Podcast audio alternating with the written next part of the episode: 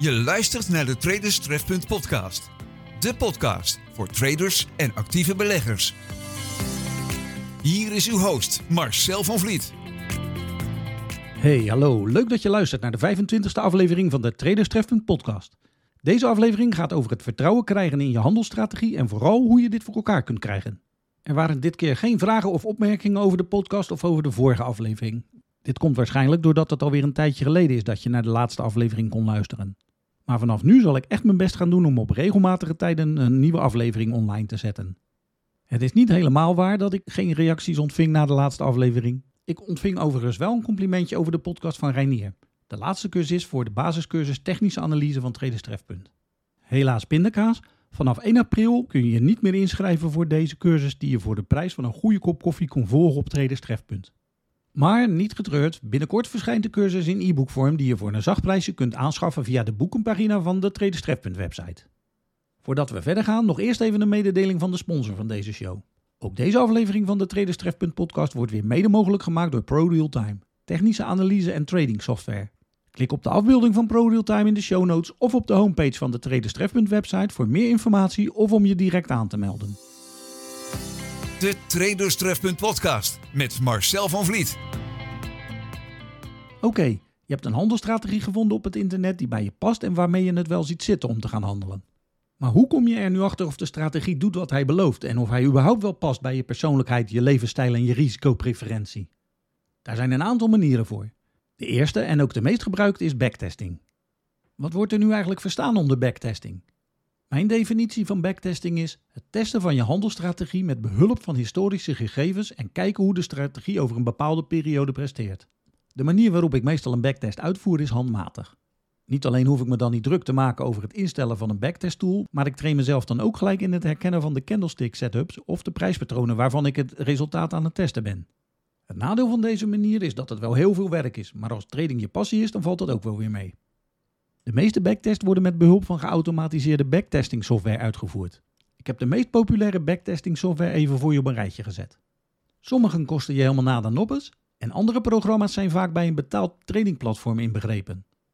Ook bestaat er software die specifiek is bedoeld voor het backtesten, maar voor de meeste van deze programma's moeten in de regel aardig in de buidel worden getast.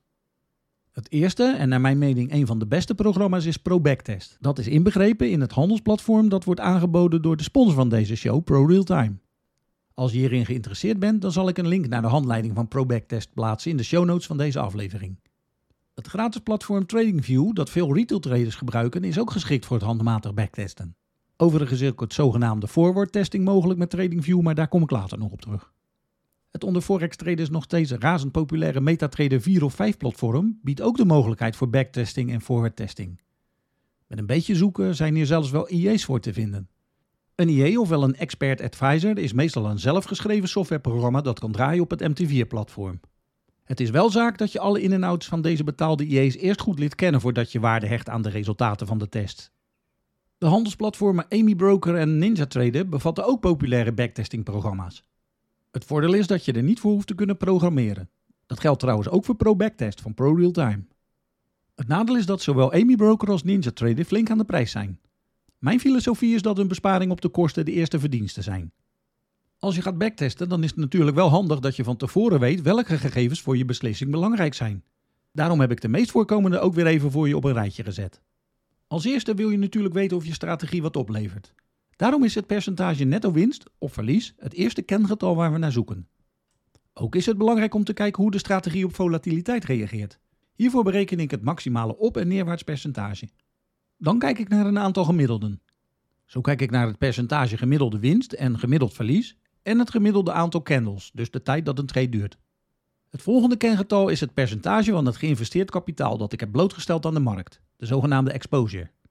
Daarna breng ik de verhouding tussen winst en verlies in kaart en het percentage jaarlijks rendement dat ik van de strategie kan verwachten.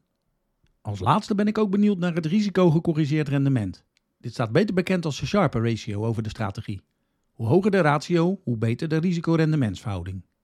Het gaat voor deze podcast wat ver om alle berekeningen en formules toe te lichten, dus stuur een mailtje naar info.traderstrefpunt.nl als je een specifieke vraag hebt. Weet ik het antwoord niet, dat kan natuurlijk, dan kan ik je in ieder geval helpen zoeken. Er zijn veel factoren waar je op moet letten bij het backtesten van je handelsstrategie. Hier is een lijst, ja, alweer, met de belangrijkste zaken die aan bod moeten komen tijdens het backtesten. Nummer 1. Houd rekening met de lange termijn trends in het tijdbestek waarin de bepaalde strategie werd getest. Nummer 2. Houd rekening met de sectoren waarin werd getest. Als een robuuste strategie bijvoorbeeld wordt getest over de sector technologieaandelen, dan kan de strategie in andere sectoren misschien wel helemaal niet goed presteren. Als algemene regel geldt dat als een strategie gericht is op een specifieke soort aandelen, de test tot die soort aandelen moet worden beperkt. Probeer zo breed mogelijk te testen. Punt 3. Volatiliteit is uiterst belangrijk om mee te nemen bij het ontwikkelen van een handelssysteem. Dit geldt met name voor de zogenaamde leveraged accounts, die onderhevig zijn aan margestortingen als het eigen vermogen onder een bepaald punt daalt. Dit fenomeen is beter bekend als de beruchte margin call. Nummer 4. Het aantal candles is ook belangrijk om in de gaten te houden bij het ontwikkelen van een handelssysteem. Dit heeft te maken met het berekenen van de kosten. Hoewel de meeste software voor backtesting de commissiekosten en dergelijke in de berekeningen meeneemt, betekent dit niet dat je ze verder kunt negeren. Het verhogen van het gemiddelde aantal candles in de backtest zal de commissiekosten verlagen en dus je rendement verbeteren. De vijfde vuistregel. Exposure heeft twee kanten. Een grotere blootstelling van je kapitaal kan leiden tot hogere winsten of hogere verliezen, terwijl een verminderde blootstelling lagere winsten of lagere verliezen betekent.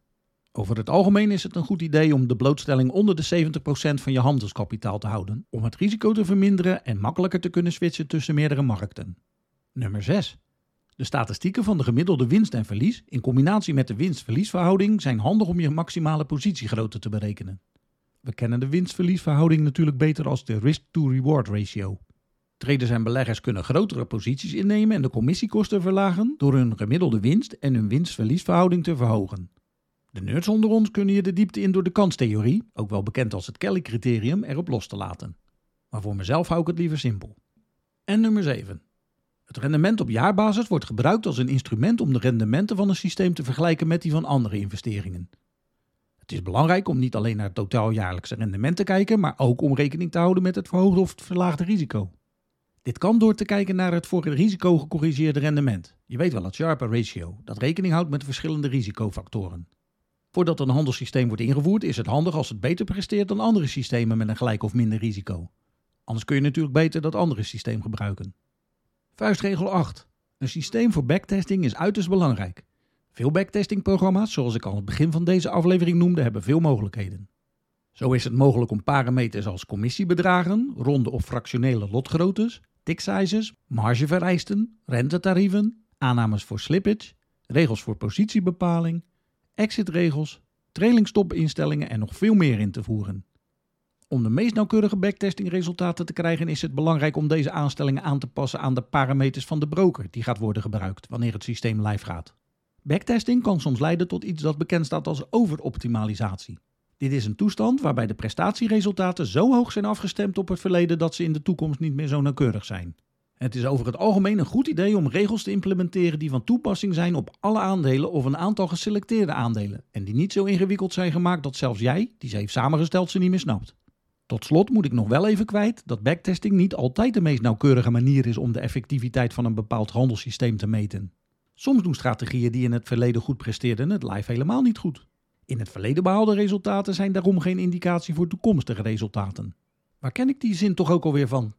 Zorg ervoor dat je een nieuw systeem altijd eerst op een demo-account uitprobeert voordat je er live mee gaat. Je krijgt dan in ieder geval een goed beeld hoe de strategie in het nu presteert. Het in het nu presteren, waar ik het net over had, staat ook bekend als forward testing. Forward testing laat niet alleen zien hoe je systeem onder de huidige marktcondities presteert, maar tegelijkertijd wordt ook je vertrouwen in je systeem ook opgebouwd. Hier volgen een aantal criteria die je voor je journaal na het forward testing kunt gebruiken. En ik beloof je, dit is het laatste lijstje dat er in deze aflevering aan bod komt.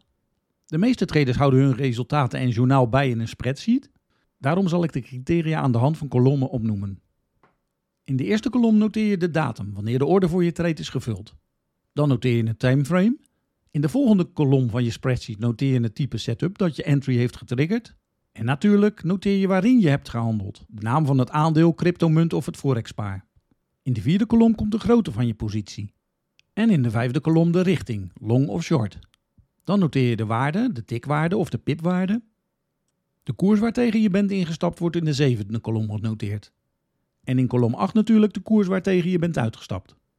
In kolom 9 de koers van de stoplosorder, je weet wel, je vangnet als je fout zit. En in 10 je winst of verlies. En tot slot komt in de elfde kolom je initiële risico in euro's. Het bedrag dat je als risico hebt genomen. Dit is de zogenaamde Rotterdamse R. Die wordt gebruikt om de winst of het verlies in de R-waarde uit te rekenen.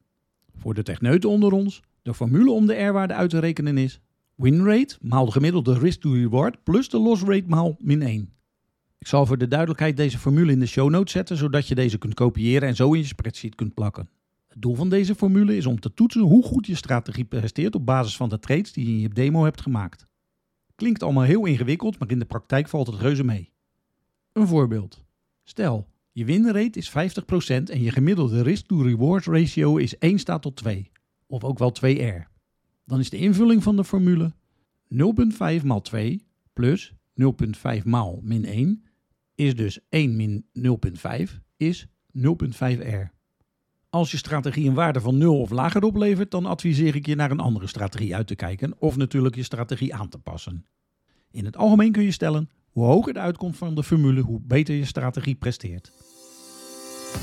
De Traderstrefpunt podcast met Marcel van Vliet. Zo, een hoop theorie en techniek deze keer. Ik kan me voorstellen dat je niet alles in je hebt opgenomen. Daarom adviseer ik je op zijn minst deze aflevering nog eens te beluisteren en om de show notes op de podcastpagina van de Traderstrefpunt website nog eens na te lezen. En als je daar dan toch bent, kijk eens rond op de website. Er is veel gratis info te vinden. Meld je aan voor de maandelijkse nieuwsbrief van Traderstrefpunt en ontvang het gratis e-book Het Pinbar Project. Vergeet natuurlijk niet deze podcast te downloaden of te volgen via je favoriete mediaspeler. En je vragen en opmerkingen kun je als vanouds weer kwijt via info.traderstrefpunt.nl. Pro Realtime, weer bedankt voor het mogelijk maken van deze show. Dit was het weer voor nu. Ik doe u de groet uit Rotterdam en graag tot een volgende keer.